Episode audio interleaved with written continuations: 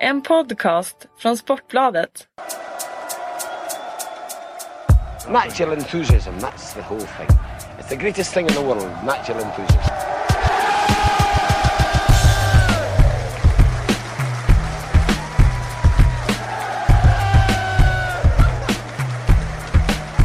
Hej och välkomna till Sportbladets Premier League-podd i vad som känns som en av de absolut längsta och händelsefattigaste landslagsuppehållen någonsin. Tre omgångar fick vi utav Premier League-fotboll. Sen dess har vi fått sitta här och vänta. Med mig i studion har jag Kalle Karlsson och Kristoffer Karlsson. Eh, Hur, hur mår ni under en sån här, eh, sånt här uppehåll? Ja, jag mår ganska bra faktiskt. Det är matcher varje kväll och eh, de, de är inte fy skam heller. Igår jag Färöarna, Island. Färöarna, Island. Eh, Färö, Nej, för- eller Finland. Ja, exakt. Eh, Island, Turkiet var det igår. Island, Turkiet. Såg Lasse Lagerbäck eh, skåpa ut Turkiet med 3-0. Det var inte helt fel.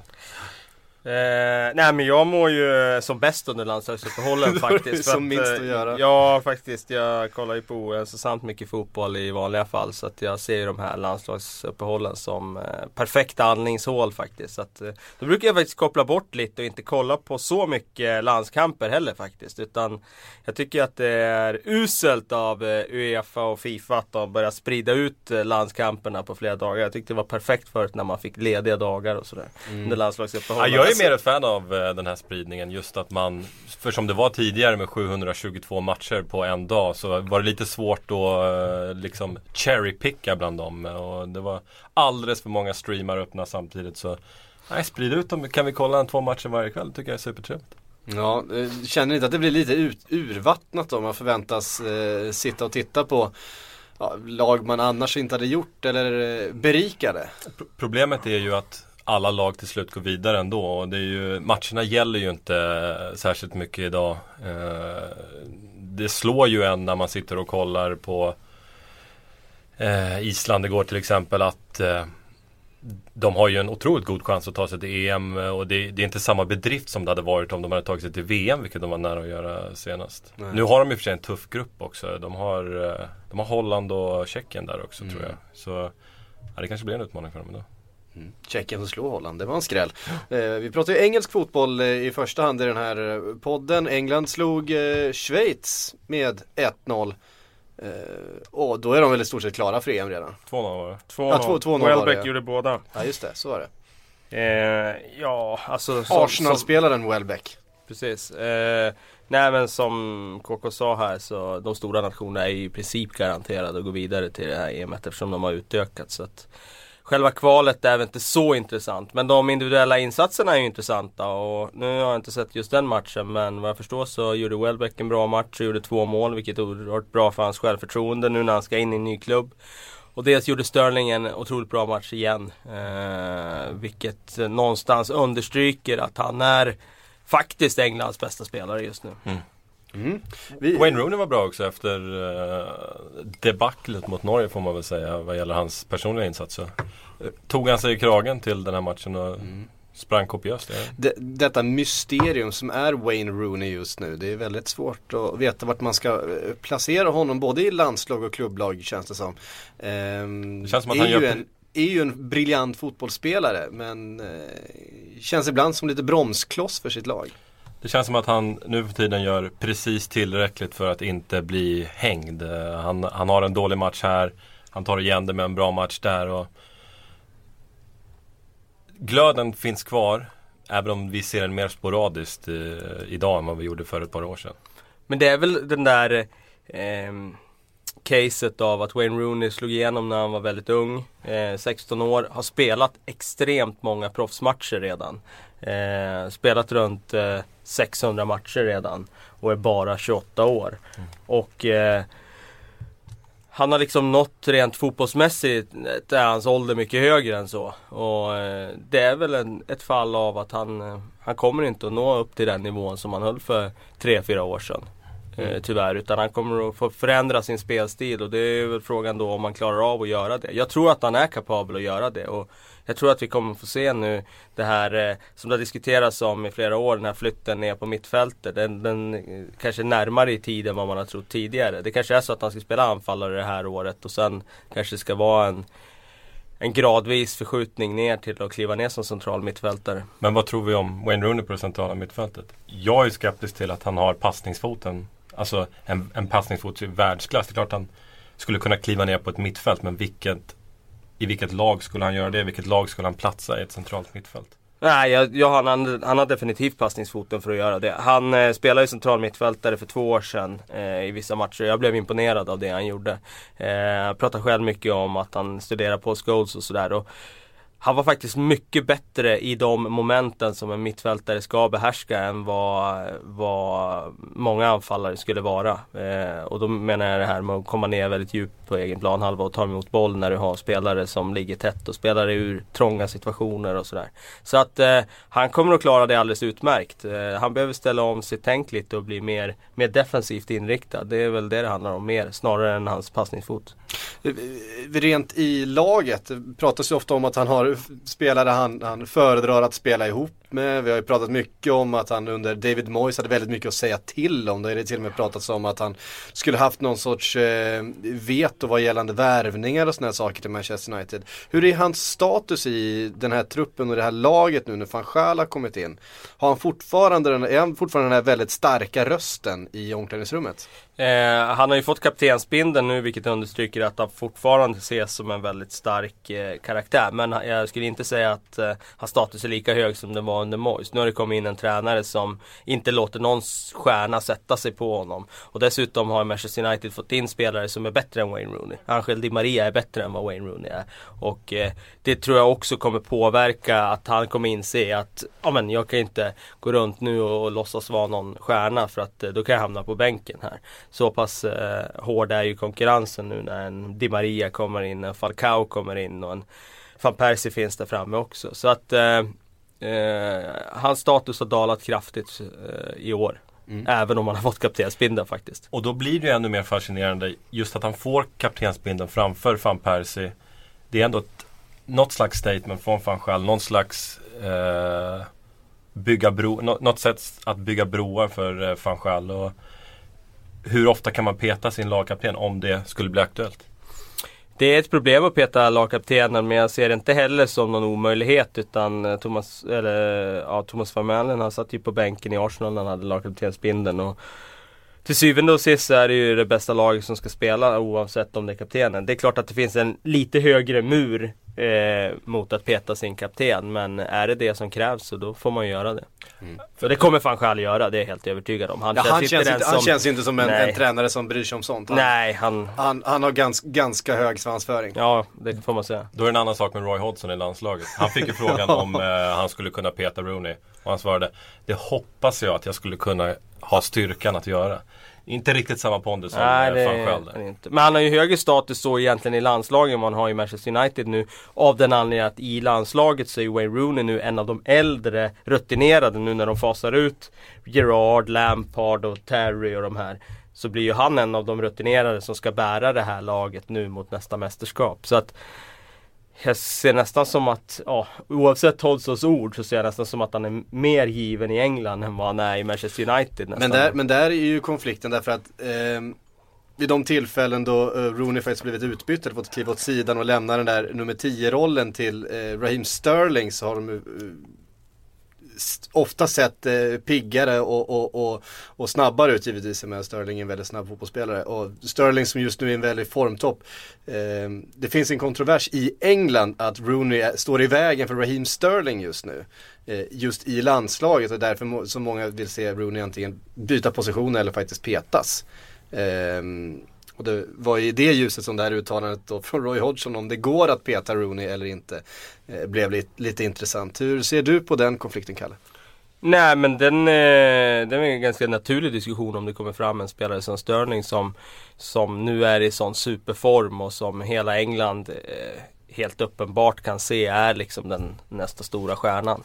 Eh, men jag ser inte som något problem med att flytta Wayne Rooney. Jag hade gjort det själv. Eh, jag hade stoppat honom på vänsterkanten där han har spelat tidigare och där han faktiskt är väldigt vass. Eh, när han spelar. Och jag tror att det skulle ge laget mer fart faktiskt. Mm. Precis som, som du säger.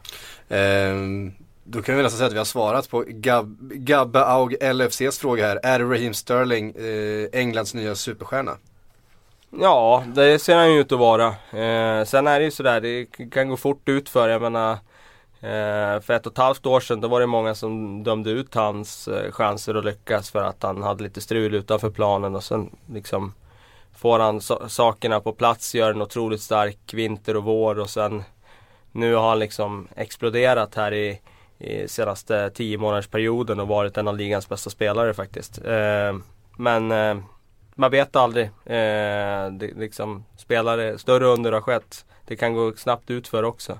Spelare som är superheta. Jag menar Jack Wilshere, han såg ut att vara liksom en världserövrare för några år sedan. Nu har han, har han en tung period istället. Ja, eh, så kan det gå när man inte sköter sin försäsong. Mm. Nej men Sterling var ju också en av de som gjorde en bra match mot Schweiz. Eh, han sätter ju upp Welbeck för eh, vad heter det, benskyddsmålet där uh, oerhört snyggt. Trots att uh, Welbeck själv hade slarvat med att spela fram störning lite tidigare i matchen. Så nej, mer huvud, huvudbry uh, för Hodgson vad gäller de två mm. Det om landslaget. Det är ju som tur är en ny Premier League-omgång nu till helgen. Och efter det så drar Champions League igång. Jag tänkte vi skulle titta lite närmare på de engelska lagen i den turneringen. Eh, vi har ju några supermatcher faktiskt att se fram, se fram emot redan i första omgången här i nästa vecka. Då tänker jag framförallt på Dortmund-Arsenal. Klassiker i Champions League-sammanhang nu. Eh, och Bayern München, Manchester City börjar också bli något av en klassiker ju. Eh, har mötts ett par gånger. Eh, men vi kan väl ta det grupp för grupp och börja överst där vi hittar Liverpool i grupp B tillsammans med FC Basel, eh, PFC Ludogorets Razgrad och Real Madrid. Eh, KK, du som har varit inblandad i den här Champions League-bibeln som eh, kommer ut, har kommit ut. Mm. Eh, kommer i dagarna va? 15 september tror jag. Ja, den kommer i dagarna. Den kan ni hålla utkik efter i butik. Mm. Där kan ni läsa mycket av eh, KKs eh, tankar kring Champions League-säsongen 14-15. Vad säger vi om Grupp B KK? Vad säger vi om Grupp B? Vi säger att Ludogorets drar lite grann av en drömlott. Med tanke på motståndet. som man får, får i gruppen. Vi har Liverpool, vi har Real Madrid, du har regerande mästarna. Du har ett klassiskt lag i Liverpool. Så jag vet att bulgarerna var väldigt nöjda med, med, med den lottningen i alla fall. Sen så... Kassören var aldrig nöjd. ja, exakt. Nej men eh, det är en grupp som eh, Liverpool har eh, goda chanser att ta sig ur. Real Madrid kommer förstås storma igenom den gruppen. Eh, Ludogorets kom, kommer nog få svårt att ta fler än ett eller två poäng. Och Basel är ju som sagt svåra att räkna bort i Europaspelet. Har en otrolig rutin som de byggt upp här de senaste säsongerna. Alltid med, om inte Champions League så långt in i Europa League-spelet. Och har fått behålla stora delar av sin trupp. Och det här är ju spelare som har spelat nu flera säsonger ute i Europa med det här laget. Och står mellan Basel och Liverpool om eh, andra platsen i den gruppen. Har ställt till det för många, inte minst eh, engelska lag. Manchester United. Manchester United. Chelsea. De scenerna när eh, uh, Ferguson vandrar av planen där nere i Basel, de är ju uh, klassiska. Mm. Uh, så är det. Kalle, dina tankar kring Liverpools återkomst till Champions League? Nej, så, inget speciellt mer än att de såklart, vad ska jag säga, de har varit borta några år. Jag anar att de inte kommer gå superlångt i Champions League i år för de har inte en trupp som har massor av Champions League-erfarenhet. Men jag tror att de kommer ta sig vidare ur den här gruppen. Rimligtvis får de en ganska tuff lottning då i en åttondel. Och då skulle jag tro att de kanske ryker där då. Mm. Um pratas om att en eh, Adam Lallana till exempel eh, sägs ju vara tillbaks i full form. Eh, kan göra sin debut i Premier League mot Aston Villa helgen och sen då Champions League-debut mot Ludogorets men det, men på det tisdag. Ett, det är ett ganska lustigt faktum just det om vi kollar spelare för spelare i Basel och Liverpool. Hur pass mycket större erfarenhet från Europaspel som Baselspelarna har. Eh, kolla på Liverpool-spelarna liksom. Du har, du har Steven Gerrard där. Eh, och sen så, sen så börjar det eka ganska tomt med en hel del Southampton-spelare. Markovic i och för sig har, har en säsong i Benfica. Moreno har väl lite från Sevilla. Mm, mm. Balotelli. Balotelli har en hel del från Champions League såklart. Men eh, i Basel så är det på idel platser Mm. mm. otrolig Europa-erfarenhet. Ja så är det. Eh, Spännande lag Basel Mm. eh, faktiskt. Ehm, vi går vidare då till eh, Grupp D där vi hittar Arsenal som vi sa möter Dortmund på eh, bortaplan är det va? Eh, samma dag på tisdag. Eh, de har förutom Dortmund även Galatasaray och Anderlecht i sin grupp. Det är väl en grupp som eh, Arsenal ska kunna hantera. Ja det tycker jag. De brukar ju alltid lottas med Dortmund nu för tiden. Så att, eh, de, De, de brukar de alltid ju ta sig vidare från gruppen. Och de tar sig alltid vidare från gruppen dessutom. Så att det talar väl för att de ska greja det den här gången också. Möjligen då om ett Galatasaray skulle kunna ställa till det och kanske kryssa borta liksom på Emirates och sen få med sig någon turlig seger på hemmaplan där de är starka. Eh, det är möjligen att det skulle kunna ställa till det. Arsenal hade ju faktiskt problem med Besiktas här i kvalet redan så att eh, det, Galatasaray springer man inte bara över så. Så att, eh, men det är klart att Arsenal är favorit att gå vidare. Dortmund är inte heller lika starka som de var för, för ett par år sedan. Så att jag ser Arsenal som favorit i den här gruppen.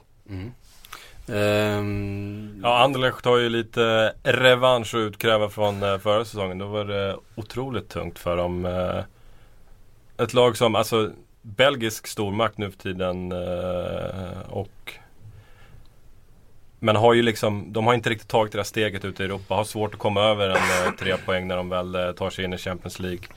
Eh, men en värvning som är otroligt spännande inför nästa säsong är ju Steven Defour. Det gamla belgiska superlöftet som, som kommer förstärka truppen i Champions League här. Men svårt att se dem bli annat än jumbo. Det kanske blir så att de ger upp där nere borta med Galatasaray.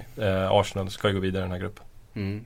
Hur har Arsenal värvat då för att, för att bredda inför det här Champions League eh, vintern och hösten? De har ju en bättre trupp i nu än vad de hade i fjol men man saknar ju fortfarande den där eh, mittbacksförstärkningen som skulle täcka upp lite mer där då, i den positionen. Nu känns det väl som att Nacho Monreal är fjärde mittbacksvalet och Även om han gjorde det bra och helt okej i, i Community Shield mot Manchester City så så är det väl inte en helt optimal lösning. Men eh, på mittfältet finns det ju massa alternativ. Eh, sen vet Där man ju kan aldrig med... mycket, mycket Europa, Europaspelsrutin också. Ja, ja absolut. Så... Men Alexis Sanchez har gjort några Champions League-matcher. Nu har de ju dessutom bredd där framme på ett sätt som de inte hade i fjol. Jag menar i fjol skulle ju Giroud bära hela bördan där framme. Nu har de ju faktiskt ändå en Welbeck där framme. De har en Sanogo som känns hetare nu. Även om det inte säger så mycket. Eh, han är inte riktigt framme än.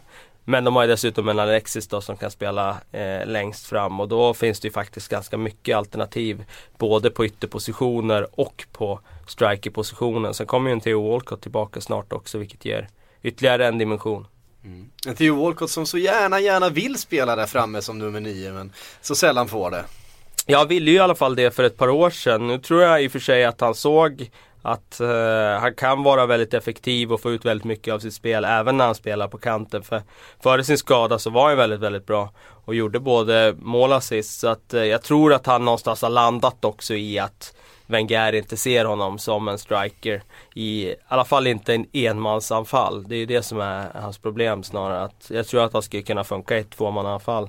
Men eh, enmansanfall mot bättre lag som sjunker hem, då, då får han problem. Mm. Eh, men fortfarande väldigt, väldigt vass som ytter.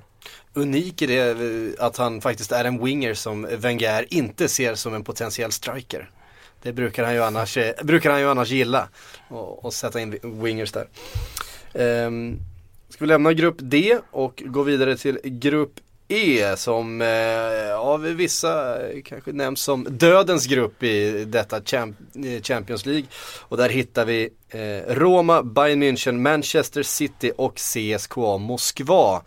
Det blir många tuffa drabbningar där för även om eh, Moskva förstås är det kanske på pappret svagaste laget så är det inte bara att åka dit och hämta, hämta poäng. Nej, det gjorde ju City i och för sig i fjol där. De vann ganska enkelt där borta i fjol. Men jag håller med dig, det är ingen, det är ingen, det är ingen lätt fjärde lag att få i en grupp och få CSKA Det är inte. Ludogorets. Nej, precis. Så Manchester City får ju alltid mardrömslottning och det har ju gjort med att de har haft dålig sidning tidigare. Nu har de ju hoppat upp ett hack på den där rangordningen och nu fick de ändå en tuff lottning. Drog man, Rå, drog man Roma ur, ur Ja. pott 3 eller pott, pott 4 Ja, ja till och alltså med. oturen för City är ju att de drar det svåraste Tänkbara, ja. laget Tänkbara i laget Roma. där. Ja. Eh, Eh, och sen att de får Bayern på det är ju också extremt tufft. Man vet ju att Bayern kommer ju inte missa, alltså de har ju en av de två platserna i alla fall, så är det ju. ja. Eh, och då ska de göra upp om den andra, liksom den platsen som finns kvar då. Och det, det är klart ett Roma som är ännu bättre i år och ska liksom vara redo att slåss om scudetton där i Italien. Det är inte något du bara borstar bort. Så att jag tror ändå att Manchester City kommer att greja det här för de är så pass bra. Eh, så jag tror att de går vidare men eh, de kommer att få kriga om det. Eh, så länge man Alltså, inte... förutom Benatia så är det ju ett Roma som har behållit liksom stommen i truppen och, och värvat smart också. Den allmänna uppfattningen i Italien är ju lite grann att Roma gjorde den bästa markaton. Så bättre i år som sagt och eh, det kan bli otroligt tajt om den andra platsen. Mm. Eh, väldigt, vad, hur, vad säger vi om Bayern München då? Om vi bara ska nämna någonting om dem och deras, deras trupp inför den här säsongen och deras väntade säsong. Eh, det pratas ju redan om att Bundesliga är avgjord. Ja men det är det ju. Det är det ju i princip. Alltså när de plockar liksom Dortmunds bästa spelare, i, bästa målskytt kanske vi ska säga, inte bästa spelare men bästa målskytt i Lewandowski och plockar in Xabi Alonso. Så fort någon gick sönder där, eh, Xavi Martinez, så plockar man in en Xabi Alonso och sen Helt liksom, okej ersättare. han plockar man Benatia från Roma, så det är inga dåliga vänner. Det känns som att Bayern München, de ställer sig med ögonbindeln och så bara pekar de ut över Europa att honom ska vi ha och så plockar de honom som de vill ha. Eh, och det är klart att de har ett superlag eh, som Pep såklart behöver finslipa lite grann för att det kändes som att han gjorde lite för mycket Barcelona av, av Bayern i fjol. Eh, och de tappar väl kanske lite av den där spetsigheten i omställningsspelet som, som var deras kännetecken när de faktiskt vann Champions League för ett och ett halvt år sedan. Så att eh, det ska bli intressant att se vad han gör med Bayern i år. Om han fortsätter att gå hela vägen och bli ännu mer Barcelona. Vilket är liksom Peps process med lag som han gör. De blir mer och mer bollhållande ju längre han har dem. Eller om han vrider tillbaka lite på kranen och eh, siktar på att bli eh, mer eh, Eh, mer, mer rakt och snabbare i, i sitt anfallsspel. Men, men det- där, finns ju, där finns ju faran i, eh, i det hela för Guardiola också. I det att pamparna i Bayern har så otroligt mycket att säga till om och säger verkligen till om någonting om, de, om det är någonting de inte tycker om. Som Bayern München under förra säsongen när det var alldeles för bolltrillande, det var inte tillräckligt rakt. Och där är liksom, det är ju nästan så att man fruktar för Guardiolas framtid om han fortsätter gå den här nedslagna Barcelona-vägen då inom situationstecken med, med Bayern München. Det är också en kille med ganska hög svansföring så att han kan nog stå på sig lite i de där diskussionerna. Men jag tänker också med värvning av Xabi Alonso som ju är en mästare på det lite längre spelet. Känns ju inte som en, en eh, kille man tar in för att bli ännu mer liksom bollhållande, sidledsspelande. Eh, det är förstås en väldigt bollskicklig och passningssäker eh, spelare men också, han har ju sin kanske stora spets i det lite längre spelet. Mm. Ehm, hur som helst, vi har en grupp kvar att redovisa eh, i Champions League och vad det gäller det engelska deltagandet och det är grupp G där vi hittar Chelsea som väl eh, kanske har det lättaste, den lättaste gruppen av de fyra engelska lagen. Man ställs mot Schalke, Maribor och Sporting. Ja det kan vi städa av snabbt. Det kommer de ju såklart att greja. Det finns inte på världskartan att Chelsea skulle misslyckas och gå vidare ur den gruppen. Än en gång får de en behaglig grupp Chelsea. De har tur med lottningen. Ja, vi, eh, Jens, vår redaktör här, var här ute, han var eh, inne på att alla portugiserna fick extremt lätt lottning. Eh, det här, eh, även Porto och Benfica fick väldigt lätta grupper och sen då Mourinho, portugisen i Chelsea, fick en väldigt lätt grupp. Eh, han, hade, han tänkte att det hade någonting med att göra att Luis Figo var den som drog bollarna. Eh, konspiratoriskt den här Jens. Ja men vad tycker vi om Sporting Lissabons lottning här och som är med Chelsea och Schalke och Maribor? Ja, men det är ju- andra platsen där eller? Ja men det är ju en bra, det är en bra lottning för dem faktiskt. Så att, eh, är Schalke- även de hade ju de ska göra upp med. Ja precis. Ja, så te- tesen håller. Tesen håller. Tycker jag. Eh, Så där har vi det. Champions League-premiären. Eh, Vi ska säga att Chelsea inleder mot Schalke på onsdag och Bayern München inleder mot Manchester City på onsdag. Vilken match är ni mest fram emot? Det är svårt att säga något annat än Bayern City, eller hur? Ja, det är svårt att komma ifrån det. Ja. Ehm, Vi lämnar Champions League där och rör oss mot någonting som eh, rör helgen. Eh, även om det är eh, i en lite mer digital variant. Det är nämligen så att vi har en sån här eh, Premier Manager-spel här på Aftonbladet. Eh, du KK har ju satt ihop en eh, liten liga för alla Sportbladets Premier League-poddlyssnare att Ja. delta i. Ja, jag, jag blev överlycklig när det fungerade också. Det var, Mhm. eh, Magiskt. ja, det var magiskt faktiskt. Ja. Eh, Det började trilla in eh, en massa, massa lag. Så det var ju det var kul. Får du tala om vad den heter? Den heter, den heter helt sonika Sportbladets Premier League podcast. Ja, sök upp den eh, och så kan ni utmana oss då i det här fantasyspelet. Jag tänkte kolla lite grann med er hur era lag ser ut. Har ni koll på det? Ni, Ja, Har du tagit ut ett lag Kalle? Jag tog ut ett lag, jag har inte registrerat den men jag har publicerat vilket lag jag kommer registrera. Nu var det ju väldigt bekant här att eh, spelare som jag hade tagit ut, de lyckades ju dra på sig skador här direkt efter. Nu kom ju besked om att Jovetic var eventuellt var skadad, Ramsey var eventuellt skadad och Diego Costa är eventuellt skadad till helgen. Sen är ju frågan hur mycket man kan eh, lägga, liksom titta på kort sikt och hur mycket man ska titta på lång sikt. För det kostar ju att byta ut spelare sen. Alltså. Men mitt lag är Asmir Begovic från Stoke i målet. Branislav Ivanovic, James Chester och Patrik van Anholt i backlinjen. Och sen har jag ett mittfält med Ramsey, Lamela, Sterling och Wilfred Zaha från Crystal Palace. Och på topp har jag Danny Welbeck, Stefan Jovetic och Diego Costa. Så ser det ut. Men jag- vem var tredje anfall? Du hade Costa, Jovetic och... Danny Welbeck. Och jag tror ju att Welbeck kommer att starta väldigt bra i Arsenal. Det är bara min känsla. Att eh, han kommer att få en riktigt bra start och han kommer göra mål tidigt och sådär. Eh, så får vi se hur det blir framöver sen. Ska vi ta min elva då? Jag var ju först ut. Jag har Courtois i målet. 6 miljoner. Det kändes dyrt men det fick, vad det, var, det, fick det vara värt. eh, Eric Deer i eh, backlinjen. Nu såg jag, jag vet inte hur det är med hans skada. Han fick någon smäll på eh, träning var det var. Jag hoppas att han är tillbaka. Eh, Moreno och Kolarov i en back, tre, tremanna backlinje. Sen har jag Chudley, Lamela, Henderson och Wilshire i eh, mittfältet. Wilshire passar in perfekt där för 4,5 miljoner. Får se hur det går, går med honom. Och sen har jag samma anfall som, eh, som Kaller och Jovetic, Costa och Welbeck. Ja, jag, eh, då ska jag dra min, eh, för jag har också tagit ut den. Jag är nästan som en blandning mellan era två elver. Jag har eh, Begovic i mål, eh, Ivanovic, eh, Erik Dier och Debussy. Eh, sen på mitten har jag eh, Jordan Henderson, Raheem Sterling, eh, Lamela och Gylfi Sigurdsson. Och längst fram Stefan Jovetic, Danny Welbeck och en Mario Balotelli för ganska, ganska eh, generösa 6 eh, miljoner. Ja, Balotelli var jag inne på också. Det, jag satt och valde och vred där med om jag skulle ta honom. Ehm, jag tänkte säga det här om Wilshire. Han är alltid ganska lågt värderad i Ja. sådana här spel. Och jag har alltid tagit med honom. Och så har du blivit jag, besviken. jag har alltid blivit besviken för jag har inte fått någon utväxling Nej. av han. Han gör ju inte så mycket mål och assist. Och i sådana här tävlingar så Mm. det blir ju mål och assist som blir avgörande. Sen var ju inte eh, Jag hade ju en tung säsong i fjol också Mm. dessutom. Så att nu är det väl ganska rätt att han har en lägre värdering. Då kändes det lite undervärderat men det gör det nog inte nu.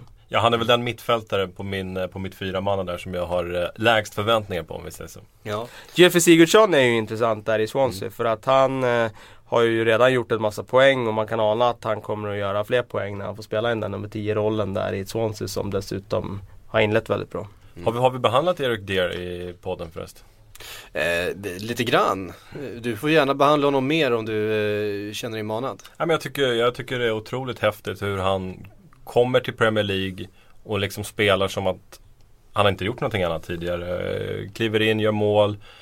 Viktig spelare i starten här för, för Tottenham direkt. Ung kille liksom och otroligt tekniskt skicklig eh, ytterback. Och det, det kanske är så, det, det kanske är det som krävs. Man ska flytta ut från England när man är en liten grabb för att, för att jobba upp den här tekniken. Var ju otroligt aktad nere i Portugal. Och, eh, stjärna i liksom alla U-lag där i Sporting och eh, Jag har ju sett, sett han nu och jag måste säga faktiskt att eh, positiv bekantskap första matcherna men senast där mot Liverpool så, så blev jag negativt eh, liksom, Eh, överraskad av han faktiskt. Då tyckte jag han såg begränsad ut. Så att Min känsla är att det är fortfarande en väldigt, väldigt lovande spelare. Jag tror att det är mittback som är hans position i framtiden. Och där kommer han göra det väldigt bra. Men jag tror inte att han, jag tror att hans eh, status kommer dala eh, här i höst faktiskt.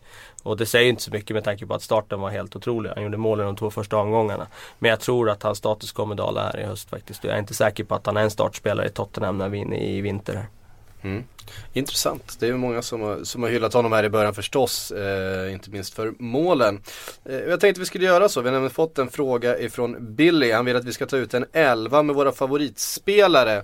Baserat på de tre första omgångarna. Eller han skriver just nu men jag tycker att vi, vi tittar tillbaks på. Favoritspelare eller är det bästa Eh, en- spelarna eller? En, en elva där vi helt enkelt tar ut en vi tycker har varit bäst på varje position. Ja. Ska vi enas om ett, eh, en formation till att börja med? Ja, 4-4-2. 4-4-2, ja okej, ja visst. Eller? Ja visst. Vill du ha en annan? Nej, kör det. Ja. Det blir bra. Eh, Vi börjar på högerbacken. Branislav Ivanovic, definitivt. Alltså det finns ingen annan som kan konkurrera efter tre omgångar i Premier League än, än, Ivanovic. Han har varit fullständigt briljant. Mm. Så att eh, det, det, just det caset slår jag ihop väldigt En av snabbt. hela ligans bästa spelare. Ja, faktiskt. Ehm, ja, inga, inga argument emot det va? Nej, de kommer jag städa undan ganska fort i så fall. Eh, höger mittback. Lovren. Nej, Nej. nej. Jag tycker han öppnar väldigt svagt i Liverpool faktiskt. Eh, dessutom är han ju vänster mittback dessutom då. Men, Ja, eh, inte senast då eh, när Sacco spelade. Nej precis. Eh, men eh, nej jag tycker han har öppnat väldigt, väldigt svagt. Eh, han eh, har haft problem i positionsspelet och inte alls imponerat. Eh, däremot så tror jag Inte att ens han kommer... Tottenham, du gillar inte honom mot Tottenham? Eh, nej, jag tycker att han gjorde det helt okej i vissa delar mot Tottenham och sen eh, går han bort sig ett par gånger. När- När Adebayor får frilägena i första halvlek så är det han som, som kladdar och sen är- en gång är det en kommunikationsmiss mellan han och Sakho där båda egentligen gör fel. Så att eh, nej, inte Lovren. Han, eh, han eh, har inte imponerat. Mm. Jag har lite vi- faktiskt. Vem, vem ska vi sätta där då? Alltså, jag...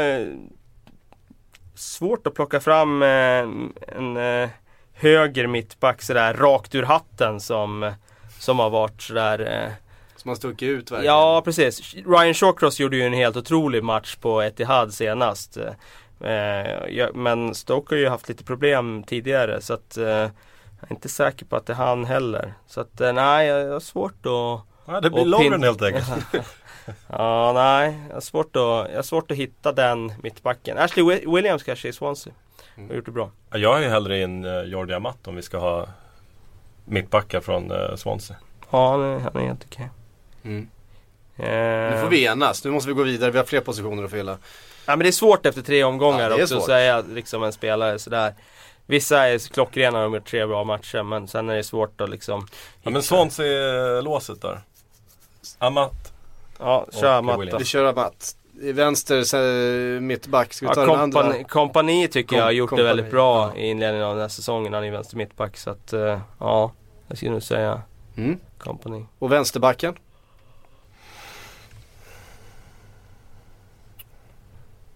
Det blir helt tyst. Ja, Moreno gjorde det jättebra senast men det är ju svårt att ta ut han med insatsen mot City i, i bakhuvudet. Och det var ju dessutom den andra omgången vilket innebär att han bara spelat två matcher. Mm. Och en har han varit ju väldigt dålig, en har han varit väldigt, väldigt bra i och det ska inte räcka riktigt. Eh, Kolarov gjorde det väldigt, väldigt bra i början. Eh, var ju en av dem som blev ifrånsprungna där när Diouf gjorde målet senast mot Stoke där. Men eh, Ah, jag vet inte om det är någon vänsterback heller som har imponerat något sådär fasansfullt mycket nu i inledningen av den här säsongen. Danny Rose tycker jag var rätt bra i och för sig i Tottenham de två första matcherna.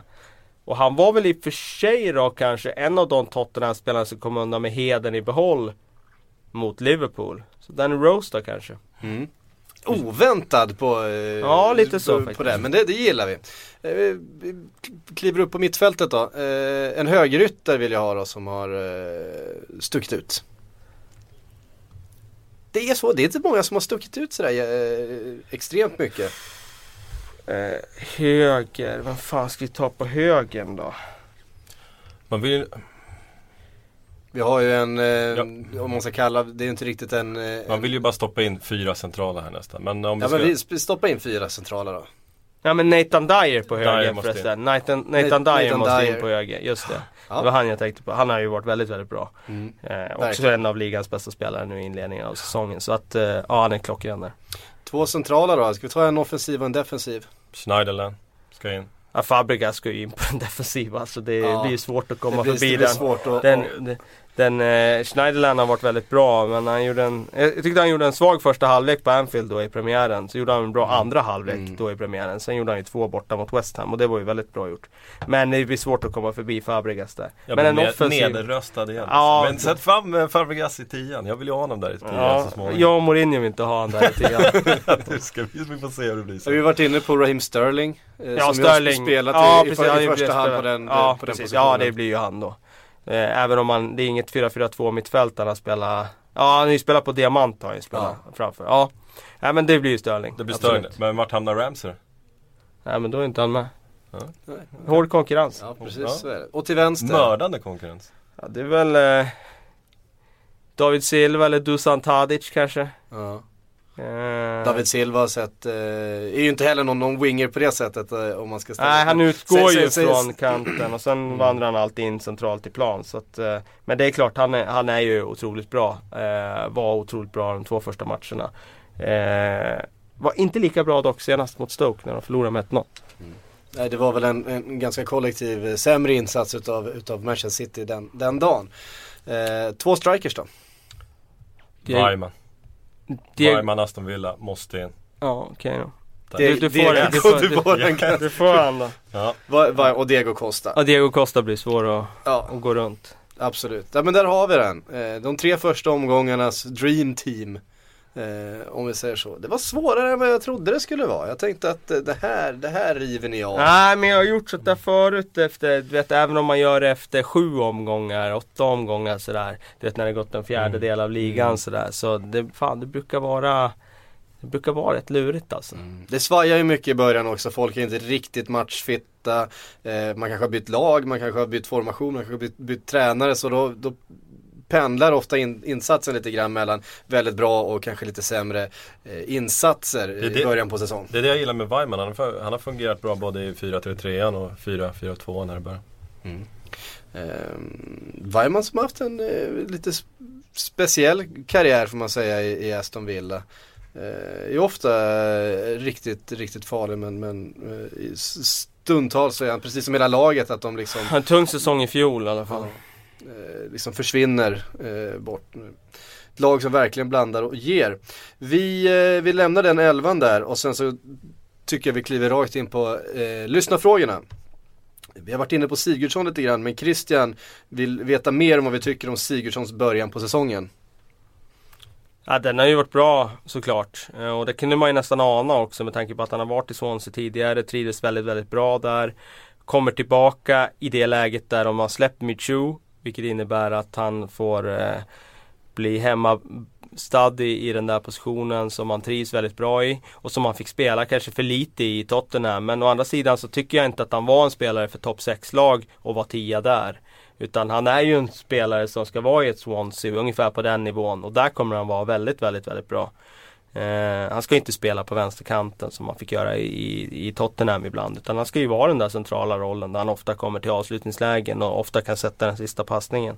Och ja, nu har han väl gjort fyra poäng tror jag, bara här på tre första matcherna. Och det vittnar ju om hur, hur pass vass han kommer att, att vara där. Det känns som att de har fått in en spelare som mer än väl fyller luckan efter Michou. Mm.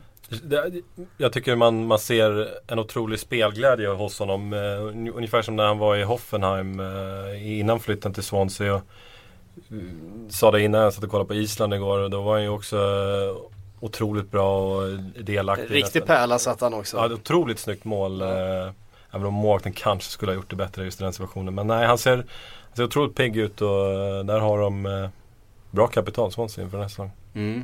Vi, vi har ju hyllat Swansea nu. Nu var jag inte med förra veckan men jag har ju lyssnat på er Kalle. Eh, ni pratade lite Swansea då. Vi har inte pratat så mycket om Gary Monk. Eh, många har ju pratat om Swansea, det, liksom arvet från, från en Martinez, från en Brennan Rodgers. Eh, nu funkade det inte riktigt som man hade hoppats förra säsongen även om ehm, Eh, Laudrup. Med, ja, med, med Laudrup här. Eh, som försvann och Gary Monk kom in lite från vänster då som, som spelare och klubbikon. Hur har han skött, eh, hur har han skött sig tycker du Kalle? Nej men han gjorde ju det som kunde förväntas av han eh, där i våras. Han klarade av att reda upp den situationen de hamnade i på ett helt okej sätt. Varken mer eller mindre egentligen. Alltså han gjorde det, han gjorde det bra liksom. Eh, nu har han ju ingen erfarenhet alls som, eh, som tränare. Och eh, som spelare var han ju visserligen en publikfavorit där på Liberty Stadium eftersom han spelade många säsonger i Swansea. Men han var ju inte så pass stor eller bra så att han har någonting att falla tillbaka på rent spelarmässigt. Han, var- ja, vilket man ju, man borde inte göra det för att vi har ju så många exempel på att en Laudrup som var helt otrolig som spelare och andra stora spelare som Maradona inte automatiskt blir bra tränare. Men det är ju fortfarande så det fungerar. Och det finns ju ett, eh, av den anledningen finns det ju liksom ett, eh, ett förtroendekapital hos Monk som inte är så stort. Jag menar skulle han gå dåligt den här säsongen då kommer han att ryka, så är det ju. Eh, men eh, starten har ju varit väldigt lovande. Å andra sidan har jag sett starter från lag i Premier League de senaste åren som har varit väldigt lovande och så går det väldigt, väldigt snabbt ut för sen efter, efter när man är inne i lite senare på hösten. Så att jag, jag avvaktar lite med att och liksom dra några slutsatser kring han och dra några slutsatser kring laget. Jag vill nog se lite mer men det var ju en de underpresterade ju förra säsongen eh, sett till materialet de har och de har ett tillräckligt bra lag för att ligga i mitten så att jag tycker att en mittenplacering är ett, ett bra eh, en bra målsättning för Swansea. Mittenplacering i övre halvan till och med. Men att de skulle upp och kriga om topp 6 och sådär, det ser jag som orimligt. Mm. Det första jag tänkte på när Monk tog över det var ju den här äh, incidenten på äh, träningsanläggningen. När han hamnade i något slags handgemäng med Chico Flores. Ganska kort därefter så tog han över tränarjobbet och då, då, tänker, då tänker jag liksom Hmm, är det lite grann äh, ja, men, vad, ska man säga, det är liksom en hetlevad kille som inte viker sig för att äh, hamna i handgemäng Ta en, ta en konflikt. Exakt. Var det då Chico Flores hade använt en tegelsten eller något sånt där? Ja, det var någonting sånt, Ja, jag Mm. tror det var något så sjukt. Eh, Chico Flores också en speciell karaktär. Som säga. försvann sen. föga förvånande försvann i sommar ja. Så, eh, nej som sagt, lite tidigt att lägga dom ännu men eh, Nej, Monk kanske är ett tränargeni ändå. Ja, intressant. Eh, vi går vidare. Eh, Marcus Nilsson undrar hur kommer Kostas muskelskador påverka Chelseas titelrace och är Remi en tillräckligt bra ersättare? Han har ju dragit så mycket muskelskador, eh, Diego Costa. Senaste halvåret framförallt. Eh, Det är oroväckande det där och det är klart att det kommer påverka om han är borta stora delar av säsongen före här. Vi får avvakta och se nu om han kommer att, och, och klara av och, och vara skadefri. Men jag skulle nog säga att Remi är en bättre ersättare än vad de hade i fjol. Så rimligen borde det inte påverkan bli lika stor som det blev i fjol när Torres och Dembaba och de där skulle in och rullas runt där framme. Eh, nu har de bättre anfallssida och backup än vad de hade i fjol. Ja, han- de har en Drogba där bakom också. Dessutom. Hade, hade du ställt den frågan till oss innan eh, Remi värvades in så hade, hade ju mitt svar i alla fall varit, det hade varit helt avgörande. Eh, Alltså muskelskadorna för Chelseas titelchanser och huruvida Costa skulle bli skadad eller inte. Men Remi är, är en bra ersättare. Ehm, Marcus Ahlström, hur ska Liverpool ställa upp om Sturridge är borta? Nu eh, drog han på sig en lättare skada, Sturridge, under landslagsuppehållet. Eh, förväntas inte spela mot Aston Villa i helgen. Hur ska Liverpool ställa upp eh, utan honom? Ja, jag skulle kunna tänka mig att peta fram Sterling som nästan som forward bredvid Balotelli som han spelade i Det var ju premiären när han spelade nästan som forward va? Var det inte det? Han utgick från vänster men han agerar egentligen forward. Eh, antingen gör man så och då har de ju ganska många alternativ på det där mittfältet hur de ska formera det. Eller så eh, väljer man att spela ett 4-3-3 som de också klarar av att göra. De har ju otrolig flexibilitet där. Då kan man ju spela med Balotelli centralt och, Störling till vänster och så kan man sätta Lallana om han är tillbaka nu då till, till höger istället. Eh, det, ja, det känns som att de har ganska många val att göra där. Och sen eh, om man vill behålla det där diamantmittfältet och behålla eh, Störling i den här liksom offensiva mittfältsrollen där han uppenbarligen presterar väldigt, väldigt bra. Jag tror i och för sig att han är i sån form nu så han presterar vad han än sätter honom. Men då kan man ju peta in en sån som Ricky Lambert på topp med Balotelli också. Så att eh, det finns ju verkligen Jag tror alternativ. inte han kommer frångå det här eh, två, två striker systemet som han har varit framgångsrikt Jo, jo det, det, det finns möjlighet att göra det. Absolut. Eh, 4-2-3-1 har han ju själv sagt att han egentligen är en 4-2-3-1 tränare. Ja. Men han spelar ganska lite 4-2-3-1 eh, med Liverpool. Det är det som är så positivt med, med de många värvningar man gör och även om Lalana och Markovic eh, kanske inte är några liksom givna startspelare i Liverpool så, så får ju de en helt annan roll om Roger skulle välja att spela ett 4-3-3. Då får de eh, då får de helt plötsligt eh, betydligt bättre chanser till, till speltid och eh, Nej, det, det finns många olika sätt att lösa det på, för Rodgers. Eh, Marcus Nilsson, en annan Marcus Nilsson faktiskt. Eh, en som ställde frågan innan här. Eh, berätta om Bentekes senaste 365 dagar. Från stekhet till vadå? Ja. Nej men eh, Iskall. Det, ja, han, han öppnade, ju förra säsongen otroligt bra där och han gjorde ju mål där på Emirates tror jag när de vann med 3-1 i premiären där och då, då hade han ju ändå avslutat säsongen dessförinnan otroligt bra. Och han var ju väldigt, väldigt het den sommaren. Och det ryktades om väldigt stora klubbar. Och sen öppnade han säsongen med att liksom leda Villa på Emirates till en eh, överraskande seger. Då var han verkligen glöd, glödhet. Och, eh, så. Sen såg man ju faktiskt förra säsongen att han eh, tappade formen. Eh, visade samma typer av begränsningar som han gjorde. Han blev ju skadedrabbad där men han skulle liksom kämpa sig tillbaka från det. Så, så visade han ju samma sorts begränsningar som han gjorde i inledningen av debutsäsongen faktiskt. Han hittade inte alls rätt där framme. Och sen åkte han ju på en allvarlig skada sen på våren som gjorde att han dessutom missade VM vilket var en enorm besvikelse. Och nu ska han ju kämpa sig tillbaka här nu då. Och eh, det finns ett frågetecken kring Benteke och det är jättesynd för Aston Villa för att han är ju ändå deras eh, main man där framme. Mm. Ett annat problem man har nu när, eh, när Aston Villa klarar sig utan honom. Det är ju som senast då när de spelar ett 4-4-2 med ett anfallspar bestående av Weimann och Agbon Lahore. Vinner. Och liksom om, om det fortsätter, om Arsenal fortsätter så starkt som de har gjort och fortsätter på ett 4-4-2 då Aston Villa menar du? Vad sa jag? Arsenal? Ja. Aston Villa fortsätter på den inslagna vägen så, så ser ju Weimann och Agbon Lahore ganska bra ut där uppe i en uh, anfallsduo. Ska han få den här säsongen, Agbon Lahore nu och verkligen? Nej det tror jag inte. eh, utan han är ju en sån där ketchup-spelare som han, Jag har bara alltid fått den där känslan av att han inleder säsongerna väldigt bra så här, Första omgången så tänker man nu, nu är Agbon Lahore, det här blir Han hans ser år. ju ofta väldigt bra ut. Ja men Alltså, han är ju hur speedig som helst liksom. Ja. Och han kan ju Liksom, han är som skjuten ur en kanon när de ställer om. Och Även kan med boll, som man får ofta Ja känslan av ibland, att han- fast ibland är han ganska tafflig med boll också tycker jag. Han är, det är där han är begränsad tycker jag. Men eh, det blir ju aldrig liksom den där eh, spelaren som gör plus 10 mål. Han har aldrig gjort plus 10 mål i Premier League. Kommer aldrig göra det heller liksom. Utan han, han, han kommer vara den där spelaren som är jävligt nyttig omställningsspelare. Och han kommer att göra supermatcher där de inte får tag i han ibland. Men han levererar ju aldrig över tid. Så är det ju, tyvärr. Hård, hård dom från Kalle Karlsson. Mm.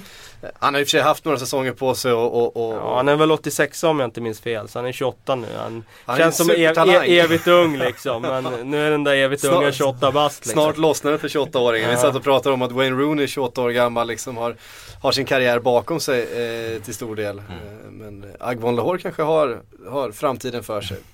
Eh, eller inte då om vi ska tro Kalle Karlsson. Eh, vi går vidare. Här är en fråga som, eh, som KK inte gillar. Eh, men som jag kanske tänker mig att eh, Kalle skulle tycka var intressant. Det är Magnus Eriksson som eh, bjuder på ett litet eh, tankeexperiment. Tänk att man tömmer alla trupper på spelare. Och sen anordnar man en draft där lagen turas om att välja. Lite som det funkar då i amerikansk idrott där man draftar talanger. Men att man skulle drafta alla spelare i, eh, i ligan. Eh, vilket skulle vårt första val vara? Den viktigaste spelaren att få in i ditt lag, den du ska bygga laget kring. Ja, men då är det ju också så här. Draft, NHL, de har ju en låst liga, du kan inte åka ur och sådär. Eh, då, då, de kan ju se på sikt liksom. De kan ju ta den där 18-åringen och liksom, han ska vi ha i all framtid. Är det så vi ska se det här? Nej, här vi är, ska, vi ska, vi ska vinna Vi ligan. ska, vi, vi ska vinna ligan. Våran vi- stjärnspelare direkt. Han som startar alla matcher under säsongen. Ja, ja, den är ju lurig alltså. Den är svår. Den är svår. Kanske en Vincent Company? Du tänker mittback? Ja, det är ju bra att sätta en mittback, börja absolut. bakifrån? Ja, det är ju Absolut. den gamla tesen där. Man ska börja bygga bakifrån. Ja, Yahya Touré är för gammal liksom så. Eh, annars är ju Yahya Touré en sån spelare. Vänta som nu, man- vänta nu. Man börjar ju med att sätta Courtois i målet. Det är ju det givna valet här. Det är ju första picken. Nej men det, det där kan man ju stoppa in en Begovic och klara sig rätt så bra sen Ja, ändå. rätt så bra ja. Men vi ska vinna ligor och Champions League kan. Mm, nej det, men den är svår. Den är svår. Men eh, det är klart, ska du sätta mittbacken då kanske du plockar kompani. Mm. Ehm, Ja. ja, den är lurig. ja det var Fabregas hade jag nog tagit som central mittfältare faktiskt. Fabregas. Ja. Mm. Ja. Det, Men inte hon- hon- jättetidigt hon- i draften. hon- hon- Nej, jag hade inte tagit honom som etta. Honom ville Wenger inte ens ha. Nej. Du ser, Mm. man tycker olika. Eh, vi lämnar det. Henrik Persson eh, skriver Tottenham, samma visa i år igen? Frågetecken. Eh, vinner mot de dåliga lagen, fullständigt chanslösa mot topplag. Vad är problemet? Ja, problemet är väl ganska enkelt att man inte är tillräckligt bra. Så. Eh, de har ju De har ju ganska bra elva, ganska bra trupp. Men ställer man den elvan som Tottenham har jämfört med Arsenals, jämfört med Manchester Citys, jämfört med Chelseas, jämfört med Liverpools. Så tror jag inte ändå inte att det är så många spelare i Tottenham som skulle gå in i de här elvorna. Och där tror jag man har svaret. Mm. Det är inte svårare än så. Fotboll kan vara enkelt också. Ja, alltså Tottenham måste ju värva smart för att få de här superspelarna. Och jag menar, det gjorde de några år när de satte Luka Modric och de satte Gareth Bale och sådana här. De har ju utvecklat de spelarna själva. De har inte köpt dem när de är världsstjärnor.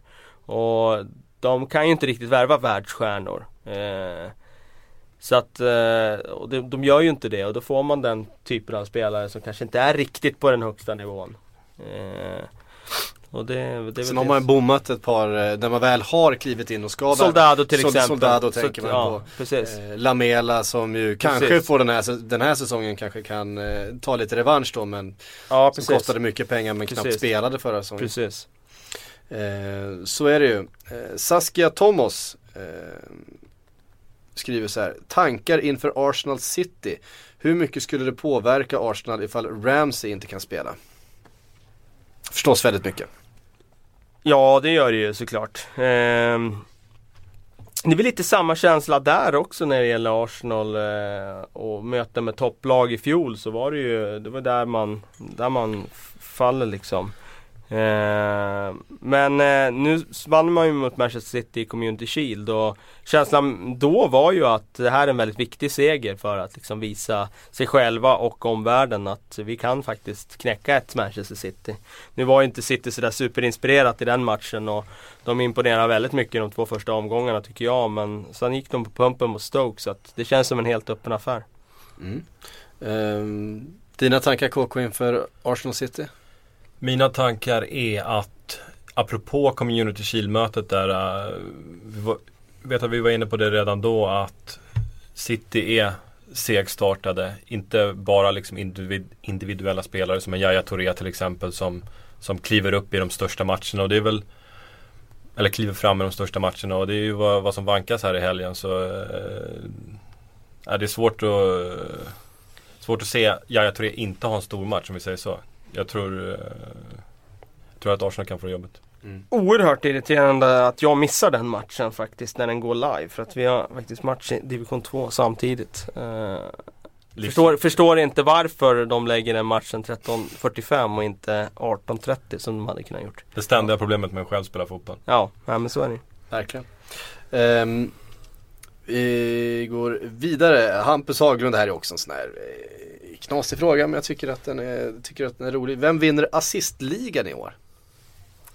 Det är alltid Angel väldigt Di svårt. Maria är ju, kan ju vara ett eh, En bra, kandidat, eh, bra kandidat där. Jag kan tänka mig att en Sigurdsson kan vara en kandidat om han får vara hel men ja, Di Maria slår ju väldigt mycket fasta situationer också och har en jävla leverans på dem alltså. Mm. Så att jag tror eh, att han kan vrida in några bollar som kan nickas i mål och sen är han ju väldigt bra framspelare från open play också. Eh, så att eh, ja, Di Maria kanske. Låter bra. En eh, outsider i Henderson kanske? Nej, jag tror han, han, ligger en pass, han ligger en passning bak, han spelar väl gärna fram till den som sen spelar fram. Andra assist. Fabregas har ju några Mycket assist alltså. redan men jag tror att hans eh, andel kommer att dala under säsongen. Fabregas, det är mycket hockeyass på, på eh, Fabregas också känns det som. Han är ju både riktig ass och hockeyass för att Ja. han Han är ju så pass eh, involverad i spelet så att eh, David Silva. Ja det är mycket hockeyass på David Silva också Mm. faktiskt. Han skulle jag säga nog kanske är den som Uh, flest hockey alltså, för han är väldigt, alltså, han är katalysatorn i offensiven men han är inte alltid den som slår den sista passningen fram utan han kan mycket väl vara den som slår den där öppnande fram till någon som får ganska fritt läge och sen sätter fram läget till någon annan sen. Mm. Eh, så ser det ju väldigt ofta ut. Eh, Mattias Ljung skriver Sterling skiner i Liverpool och det pratas om eh, och man har tappat Suarez. Utveckla gärna din syn på Hendos, alltså Hendersons inflytande i nya Liverpool. Med din så skickar den till er båda er. Nej men alltså han är ju otroligt betydelsefull för Liverpool. Vi har pratat om det många gånger men så dels är han ju en spelare som eh, är väldigt ödmjuk i sin spelstil. Han spelar efter sina resurser på ett sätt som, jag skulle säga att eh, kanske har den ödmjukaste spelstilen i hela Premier League. Eh, spelar inte svårare än eh, han behöver. Eh, sätter ofta enkla passningar eh, när han ska sätta enkla passningar. Och de få gånger han slår avgörande passningar, ja men då, då, då kan han sätta fram dem också. Men det är inte så ofta utan han lägger ofta över det kreativa ansvaret på en Gerard. Vilket han gör helt rätt i. Men då blandar han ju också med att han har liksom insett att för att jag ska göra mest nytta för laget, då ska jag springa för andra spelare. Och i och med att han gör det så blir han ju så otroligt nyttig för Liverpool som har massa andra spelare som är jättebra på, på andra saker. Och det är det som Brennan Rodgers har ju, liksom lyckades med så bra i fjol. Att de använde alla spelares eh, liksom, spetsegenskaper. Och Jordan Henderson gör shit så, så oerhört bra. Eh, spelar enkelt, vinner boll och löper för andra. Och hans djupledslöpningar från mittfältet det är ju en av de bästa i ligan på att göra det. Och kanske den som har lungorna för att göra det oftast i ligan faktiskt. Det är många löpmeter på honom. Ja det är ju det och bara att du har en sån spelare som är beredd att ta det jobbet som han gör Gång på gång på gång i varje match. Det är så otroligt viktigt. Jag menar det här målet de gör mot Tottenham när de gör 1-0 där. Det är ju hans helt och hållet. För att han egentligen väljer att ta en löpning som andra, många andra mittfältare inte hade valt att ta i. Och då hade det inte blivit mål. Det är liksom så enkelt är det. Det är sådana detaljer som avgör. Så för mig är han eh, som komplementspelare så hade han passat jättebra i ett Barcelona eller ett Real Madrid också. Just för att han erbjuder någonting annat som de inte har i de klubbarna. Eh, så eftersom han är så ödmjuk i sin spelstil, spelar efter sina resurser så är han en tillgång för, för alla lag egentligen. Mm. När han lämnade Sunderland, var det den spelaren som man Nej, trodde det var det ju inte. Nej, det var det ju inte utan då Då var han ju mer en mer spelupplägg, ja, speluppläggare där. Och det är just det som jag tycker är så intressant just att han, där var han den kreativa speluppläggaren. Jag kommer ihåg en assist han gjorde borta mot Wigan som var alldeles helt otroligt fantastisk och man tänkte ja fan det här är ju en riktig, han gjorde mål dessutom, han var liksom Ja men som du säger en kreativ mittfältare. Men så kommer han till Liverpool och han får inget förtroende där och Brendan Rodgers vill skicka iväg han till Fulham. Det första han gör när han tar över. Han ville skicka bort Andy Carroll, han ville skicka bort Jordan Henderson. Jordan Henderson vägrar flytta, han ville vara kvar och kämpa på sin plats. Och sen inser han själv, kanske med hjälp av Rodgers eller att han inser det själv att okej, jag är inte så bra så jag ska vara den här kreativa spelaren på den här nivån i en klubb som Liverpool. Utan här måste jag vara en annan typ av spelare. Och han har ju fysiken för att vara en annan typ av spelare och det har han blivit. Och på det sättet så, så har han blivit en perfekt eh, liksom eh, komplementspelare till Steven Gerrard på det där mittfältet. Mm. Vi pratade lite grann om, om Liverpools flexibilitet där inne de olika spelsystem. Hur viktig är Jordan Henderson för just den delen? Jo men det är ju otroligt viktigt eftersom det går ju inte bara att ha, man ska byta spelsystem och så här, går det inte bara att ha tre, fyra Raheem Sterlings. För att eh, du måste ju ha balans i, i, i din elva oavsett om du, hur bra spelare du har. Och med Jordan Henderson så får du alltid balans. Du kan sätta honom på höger mittfält i ett 4-2-3-1 och då får du liksom en defensiv kant som du vet kommer jobba i tvåvägsspel hela, hela matchen. Du kan sätta honom som defensiv mittfältare. Då får du en viss typ av karaktär där. Du kan ju sätta honom som central mittfältare framför en Lucas och framför en Steven Gerrard också. Och då får du djupledslöpningar från den positionen. Så att Ja, han är ju en väldigt, väldigt eh, flexibel spelare och det har ju Liverpool oerhört stor nytta av. Mm. Eh, intressant. Eh, Mattias Olsson undrar vilket lag i Premier League är mest hipster? Eh, om det nu finns något. Swansea skulle jag säga. Eh, Everton lanserar jag också. Vi var inne på det förra säsongen att Everton var hipsterlaget. Vilka, Nej, det, det finns ett utkristalliserat hipsterlag för mig och det är Crystal Palace. Crystal Palace, ja. eh, I och med att de är de enda som har den här eh, stående sjungande läktarsektionen ja. och ett otroligt drag i och med det på sina hemmamatcher. Och, ja, en, en, en, en loserklubb rent historiskt som liksom eh, Som har allting vad en hipsterklubb ska ha. Mm. Och nu åker de ju förmodligen ut också. Så. Ja, kul att, kul att han, vad, vad hette han sa du? Eh, Mattias Olsson. Ja, ja, Mattias Olsson, att han sa Swansea och du sa Crystal Palace. Det var exakt de två lagen jag tänkte på mm. direkt när frågan kom. Eh, så att, eh, ja då, då är vi ganska eniga om att det är de två lagen som är hipsterlagen. Mm. Burnley då? Är, är det inte lite hipster min, min, farbror, min farbror håller ju på Burnley, det är ju sjukt kul. Är, är han, och han hipster? Är han hipster? Verkligen inte hipster. Han har alltså hållit på dem sedan 60-talet. Så att eh, det är Ja, nej det är jävligt eh, Det är party hemma hos honom nu då när det är Premier League-omgångar. Ja, precis. Mm. Eh, intressant. Det, det är alltid roligt för det brukar alltid, det skiftar ju ganska mycket och det där. Och, eh, Bundesliga är ju hipsterligan och det var liksom Dortmund Ja det är det ju verkligen. St. Pauli förstås, ja, ja, liksom ja, nej, hipsterlagens hipsterlag på något sätt. Det... det... roliga med Bundesliga är ju det där med att folk eh, liksom verkligen eh, Ja men de, de tävlar ju om att säga att de gillar Bundesliga. Mm. Men jag undrar hur många är som sätter sig och kollar på Stuttgart, Werder Bremen en söndag liksom. Det, det är ju bara Pierre Wingren. Eftersom jag har jobbat på Eurosport vet jag ju deras tittarsiffror. Jag kan, jag kan meddela att de är extremt låga. Rayo Vallecano i Spanien, också ett otroligt tipsterlag. Ja de gillar ja, man ju faktiskt. Mm. Vilket lag eh, Bielsa än tränar.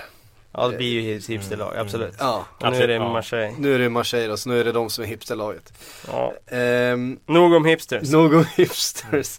Uh, ja men här kan finnas en liten kandidat ändå. Johan Svensson uh, lämnar Premier League då, tittar lite på Championship uh, och undrar Hur ser du, Kalle Karlsson, på Leeds chanser till Premier League med det nya kaoset som den italienska ägaren spridit i klubben? Ja, vette tusan alltså. Leeds alltså, man blir inte klok Nej, på den här klubben. jag tycker ju att det är jävligt synd för att Leeds är ju en sån klubb som ska ligga i Premier League. Eh, de har en eh, historia, de har en eh, supporterbas och de har eh, liksom ett klubbnamn som ska vara uppe på de, på de eh, stora scenerna. Nu är det ju väldigt, väldigt tråkigt att det har blivit som det har blivit nu med, med ägarbyte. Förra ägaren var ju inte alls bra. Får de in en Chelino här som eh, verkar liksom fortsätta det här kaoset. Så att jag ser tyvärr chanserna inom närmaste åren som små. Eh, sen får man ju se om de kan bli en ordning på torpet där. De har som sagt ett... Eh, alltså de har ju publiken, de har varumärket, de har liksom De har ju så mycket, så mycket som redan är på plats. För att, för att kunna inleda en ordentlig satsning.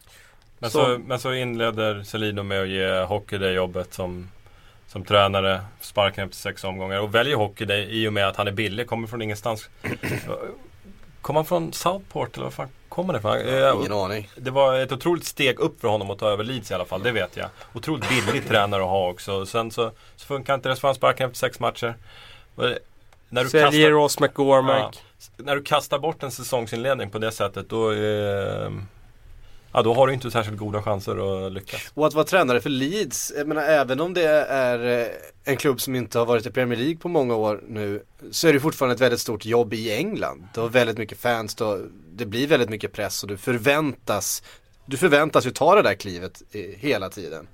Eh, ja, det är märkligt att man inte hittar en mer rutinerad eh, figur till just det. Men det blir ju också, det, det, det blir ju liksom, man blir ju avskrämd som tränare också hoppa på ett sånt projekt när, när man vet vilken klubbägare det är och mm. vad han har för historia av att sparka tränare och, och så vidare och klubben är inte stabil. Jag menar, det är som Sir Alex brukar säga, det viktigaste när du väljer vilken klubb du ska ta över det är ju att de har en bra ordförande. Mm. Alltså det är det du ska gå mm. efter. Och det är klart att du som tränare då tänker ett, ett varv extra i alla fall. Mm. Eh, vi hinner med ett par avslutande frågor till. Eh, Magnus Wexell eh, skriver, varför har Wenger aldrig någon plan B gällande uppställning? Det är alltid 4-2-3-1 oavsett motstånd, hemma eller bortaplan. Det är ju för att uh, han har den här filosofin att han alltid, hans lag är proaktiva. Uh, till, han hans filosofi bygger på att de ska alltid spela sitt spel. Eh, de ska aldrig förlora mot sig själva genom att anpassa sig efter något annat lag. Och det säger ju alla spelare som, som har varit i Arsenal att vi tränar ju bara på det vi själva ska göra. Vi, vi tränar ju aldrig en matchförberedande träning på att nu möter vi det här laget och då, då måste vi agera så här i försvarsspel. Utan de, Wenger litar på sin egen förmåga eh, och den eh, enorma kvaliteten som alltid har funnits i hans lag på att liksom vara spelförande. Och det är klart att det kostar hans lag poäng varje säsong. I och med att de inte är lika synska som ett Chelsea är när de kommer till bortaplan och, och de parkerar bussen och bara stänger igen butiken när de gjort 1-0. Eh, men sen har de kanske inte heller en så flexibel trupp. Eh, Wenger. Alltså Mourinho, vi pratar Jordan Henderson här men jag menar Mourinho han har en Ramirez som man kan liksom laborera med och få in på olika positioner för att få en annan balans i laget. eh, Wenger värvar inte den typen av spelare. Han vill ha sina Casorlas som är små tekniker och en, en, en Arshavin liksom. Eller en, en Alexis Sanchez nu. Det är liksom sådana typer av spelare som han helst vill ha. Och han, han värvar ju spelare utifrån en mall att de tekniskt sett alltid ska vara väldigt, väldigt duktiga. Ja, men det där, det där har, ju, har ju förändrat över åren. För sådär såg ju inte ett Wengerskt lag ut för tio år sedan. Det var Franny Jeffers som, eh, som förändrade allting. Efter det så, så värvas spelarna i en mall som passar eh, med, med övriga spelare i det befintliga laget. Och, det, det, blir, det, blir ingen Fox in the box. Då behövdes den och det föll eh, illa ut och därför så, så, så ser det ut som det gör idag. Mm. Eh, vi tar en sista fråga. Den här eh, eh tycker jag är intressant. Jocke Lidman. Eh, kommer det nya avtalet, eh, han syftar på tv-avtalet tror jag, göra att lag som Hall och Stoke kommer närmare topp 6-lagen eller rycker de ifrån mer än vad de andra kan ta in? Nej, det, ja, TV, TV-avtalet i sig gör ju att de kommer närmare. Definitivt. De kan värva spelare som de inte har kunnat gjort tidigare. Och bara att ett Southampton kunde värva en Victor Wanyama gjorde ju att de kom närmare toppen. Och det, det gäller ju för andra lag också. Nu, jag menar, nu, även om de inte har köpt dem permanent så är ju Hall ändå plocka in Hatten Benarfa och så. Det innebär ju att de lönemässigt kan ge dem löner som lockar dem till lilla Hall. Och jag menar, de plockar en Abel Hernandez nu för stora pengar också Hall. Så att det gör att de kommer närmare. Sen ska man komma ihåg att de här eh, avtalen på andra områden, de höjs ju hela tiden exponentiellt. Alltså jag menar, nu skriver Manchester United ett sjukt avtal här med Adidas va? Var det mm, det? Ja. Eh, och Chevrolet som ger dem sådana enorma pengar. Och då Alltså den typen av avtal kan ju Stoke aldrig hänga med i. För de är inget världsomfattande företag. Så att eh, ribban höjs ju hela tiden. Jag menar nu kan de värva en Angel Di Maria för enorma pengar. Och så kommer det fortsätta med topp 6-lagen att de kommer ju såklart skriva större och större avtal på reklamsidan. Och, och det är ju någonting som hjälper dem att komma undan eller ja, komma undan ett, eh, ett Financial Fair Play från Uefa. Just de här reklamavtalen. de som inte kommer undan alltså egna fair play-regler inhemska i England är ju Queens Park Rangers till exempel som är problem nu. Eh, och ska bötfällas med liksom 65 miljoner pund för att de har brutit mot Football Leagues Financial eh, Fair Play-regler. Och det, det, är ju det är samma sak där. Queens Park Rangers har inget avtal med Chevrolet eh, för miljarder eller Adidas för den delen. Och, så på det sättet så springs det ju ifrån lite grann. Mm. Om vi tittar, om vi jämför då eh, Premier League med de övriga proffsligorna i Europa. Vi såg ju bara på sommaren här hur, hur lag som Hull och Stoke värvar för mer pengar än vad Milan och Inter gör liksom nere i Italien. Eh, hur kommer de här maktbalansen att, att påverkas av att de engelska klubbarna får in så otroligt mycket pengar eh, för sitt tv-avtal. Det är ju, jag menar bottenlagen i, i Premier League drar in mer än vad Bayern München gör eh, för sitt tv-avtal i, i, i Bundesliga. Ja, men maktbalansen rent spelmässigt ja, ute i Europa och sådär så tror jag inte att den kommer att få så stor skillnad. Så länge som den tyska och spanska talangfabriken bara spottar ur sig spelare. För att så länge som de utbildar så otroligt kompetenta tekniska spelare som de gör jämfört med vad England gör så kommer de ändå stå sig starkt. Men det är klart att ett Italien som inte har lika bra ungdomsverksamhet som, Ita- eh, som Tyskland Spanien. Det är klart att den ligan tappar ju då. Och det är klart att den tappar ju också när en Berlusconi och när en Moratti inte längre ser det som sina livsverk att liksom pumpa in pengar i sina klubbar. Nu har ju både Inter och Milan tappat enormt mycket status de senaste åren. Men sen har du ju också du har Tony Kroos som Bayern faktiskt tvingas släppa för de kan inte ge honom lönen han vill ha. Han hade lika de kan ju ge honom den lönen om de vill. De men vill det är inte, inte ekonomiskt hållbart. Eh. Jo, nog för han har Bayern de pengarna. De har ju mycket pengar som helst. Men Kroos hade lika gärna kunnat gå till Manchester United. Och liksom TV-avtalet vad gäller Premier League, Bundesliga är ju otroliga skillnader.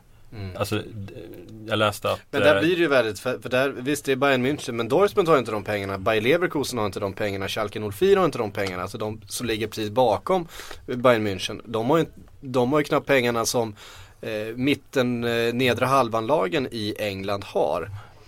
Eh, och vi vet ju att pengar spelar väldigt stor roll för, ja, för spelarnas beslut om vart de ska spela. Det kan, vara, det kan vara mer ekonomiskt gynnsamt att spela i Hall än att spela i Schalke. Mm. Eh, och det är det, det, det det jag syftar på, hur kommer det påverka? Eh... Nej men alltså det har ju redan påverkat de senaste åren. Det har ju gjort att eh, Premier League lockar till sig de stora liksom flest stjärnor. Så är det ju. Sen är det ju de allra största stjärnorna, de vill ju fortfarande till Barcelona och Real Madrid. Eh, så är det ju. Och i tredje hand till Bayern München ska jag säga. Det är de som har störst dragningskraft. Eh, men det är klart att det påverkar och men samtidigt så är det ju ganska stor väg att vandra för ett Stoke och ett Hall om de ska upp och liksom eh, bli så bra så att de kan, eh, för jag menar även om de blir bättre så blir ju topp 6 i Premier League också bättre. Så de kommer aldrig komma ut i Europa. Och kommer de aldrig ut i Europa, alltså, de kommer inte i alla fall kunna locka till sig så pass bra spelare så att de blir liksom, det är klart, jag tycker det är positivt med att TV-avtal att de, de, mindre klubbarna i Premier League blir bättre och kan hävda sig bättre. De har ju en mer Men... solidarisk fördelning utav ja, pengarna. Ja, det är väl det som eh, ja, det är jättebra. Säger, menar, det är jättebra. Eh, om man jämför med hur det ser ut i Spanien till exempel mm. där två klubbar egentligen tar 50% ja, tar, tar, tar hälften och de andra får dela på resten. Ja. Eh, så är det. Det var allt vi hann med den här onsdagen som det blev den här veckan. Eh, tack för att ni har lyssnat. Tack KK för att du kom in. Tack Kalle. Eh, sök upp oss här på Sportbladets Premier League podcast som vår liga i manager.aftonbladet.se heter. sök upp oss där så hörs vi om en vecka igen. Hej!